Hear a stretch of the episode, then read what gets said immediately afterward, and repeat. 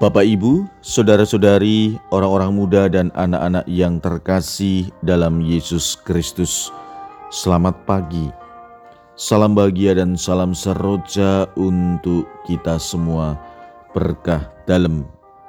Bersama dengan saya, Romo Antonius Garbito Pambuaji, menyampaikan salam dan berkat Allah yang Maha Kuasa dalam nama Bapa dan Putra dan Roh Kudus. Amin. Hari ini Jumat 21 Januari dalam hari biasa pekan biasa kedua. Bertepatan dengan peringatan wajib Santa Agnes Perawan dan Martir.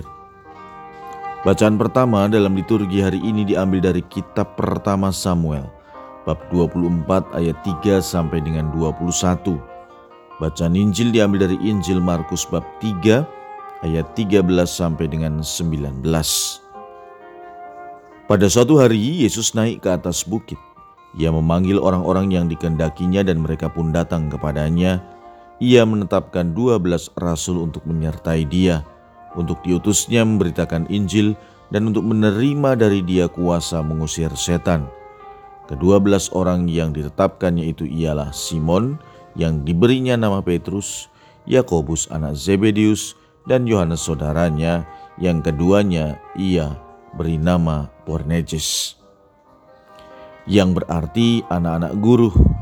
Selanjutnya Andreas, Filipus, Bartolomeus, Matius, Thomas, Yakobus anak Alfeus, Tadius, Simon orang Zelot, dan Judas Iskariot yang mengkhianati dia.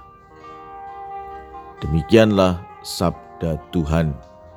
Terpujilah Kristus. Kalau kita mengikuti alur Injil selama beberapa hari ini, kita bisa menangkap bagaimana Yesus mulai merintis karya Allah dengan melakukan banyak aktivitas karya dan pelayanan. Dampaknya banyak orang mengikutinya, banyak mujizat terjadi karena belas kasih Allah. Bahkan hal ini membuat Yesus menjadi terkenal. Semakin banyak orang yang membutuhkan uluran tangan kasihnya, maka untuk membantunya melaksanakan tugas itu, ia memanggil dan memilih para muridnya.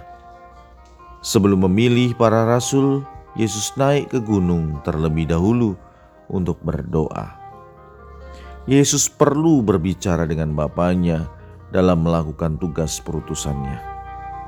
Maka dengan keyakinan penuh, setelah berbicara dengan Bapaknya, Yesus menetapkan kedua belas rasul untuk menyertainya.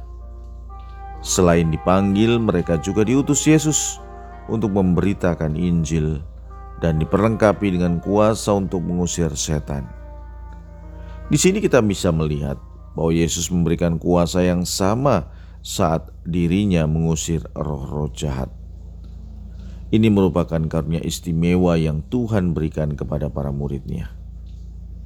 Jika dilihat secara seksama, mereka yang dipilih Yesus menjadi muridnya sama sekali tidak memiliki kriteria yang menonjol. Dari ukuran manusiawi, tentu mereka di bawah rata-rata. Mereka adalah orang-orang biasa.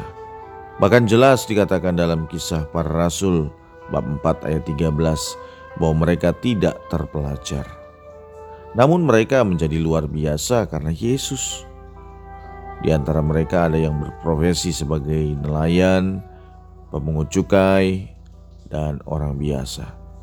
Yesus memanggil mereka untuk menjadi rasul bukan berdasarkan kekuatan, bukan berdasarkan kepintaran ataupun kebaikan mereka. Mereka dipanggil menjadi rasulnya karena anugerah dan rahmat Allah.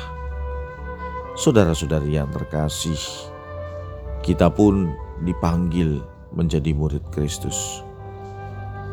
Pertanyaannya, apa saja yang sudah dan akan terus kita lakukan sebagai gambaran bahwa kita adalah murid Kristus yang bisa menjadi contoh dan teladan.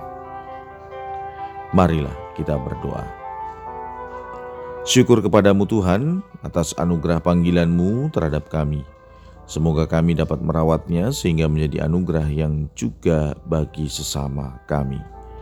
Berkat Allah yang Maha Kuasa, dalam nama Bapa dan Putra dan Roh Kudus. Amin.